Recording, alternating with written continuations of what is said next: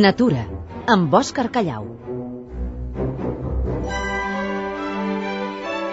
Son cientos de miles, millones posiblemente.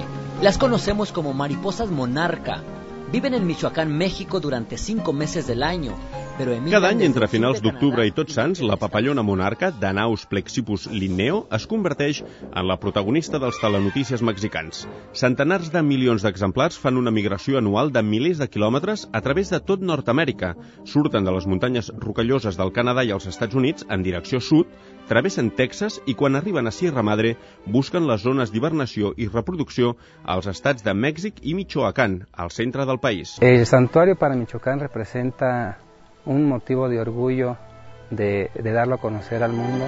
El Pedro, guarda forestal, sent orgull per un paradís que la UNESCO va distingir aquest passat estiu com a Patrimoni Mundial. Hi ha cinc santuaris diferents a la reserva de la biosfera Papallona Monarca. Cerro Altamirano, Sierra Chincua, Sierra El Campanario, Chivatí Huacal i Cerro Pelons. Una àrea protegida que ocupa més de 56.000 hectàrees, amb diversos microclimes i moltes espècies endèmiques de flora i fauna.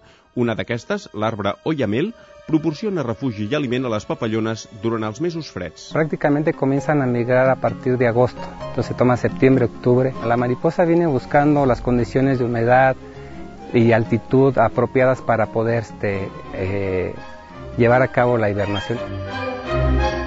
La mariposa en estos, en estos sitios se alimenta de algunas plantas que le proporcionan néctar y toman un poco, un poco de agua.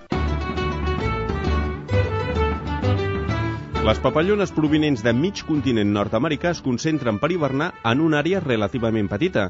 Per això és tot un espectacle per als turistes contemplar el cel cobert per milions d'ales que fan un bronzit com de pluja fina. Els arbres o llamel queden... Deixem que ens ho expliquin els col·legues de la televisió mexicana. És més evocador i sona molt melós. Al caer la tarde se amontonan formando racimos en las ramas y los troncos de los árboles. Por la mañana se desprenden y empiezan a volar una vez sienten el calor del sol. Los pinos de Oyamé se cubren de un hermoso color naranja cuando están cubiertos de mariposas y es un verdadero espectáculo verlas desprenderse. Malgrat la protecció de la reserva mexicana, la papallona monarca és fràgil i s'exposa a molts perills, tant durant la migració com a l'arribada a destí. Aquí mismo en, la, en el área de hibernación, pues muchas de ellas mueren, ¿no? Por diversas causas, como por depredadores naturales. Se ven amenazadas por la deforestación ilegal en México, el uso de pesticidas en Estados Unidos, como también por el cambio climático que las obliga a revolotear cada vez más alto en busca de mejores temperaturas. Encara avui és un misteri com s'orienten les papallones monarca per fer un viatge d'entre 3.500 i 4.000 quilòmetres en etapes de 100 al dia i com el poden resistir físicament. Fins i tot es diu que en anys de vents favorables algunes poden travessar l'Atlàntic i arribar a la península Ibèrica. N'heu vist alguna?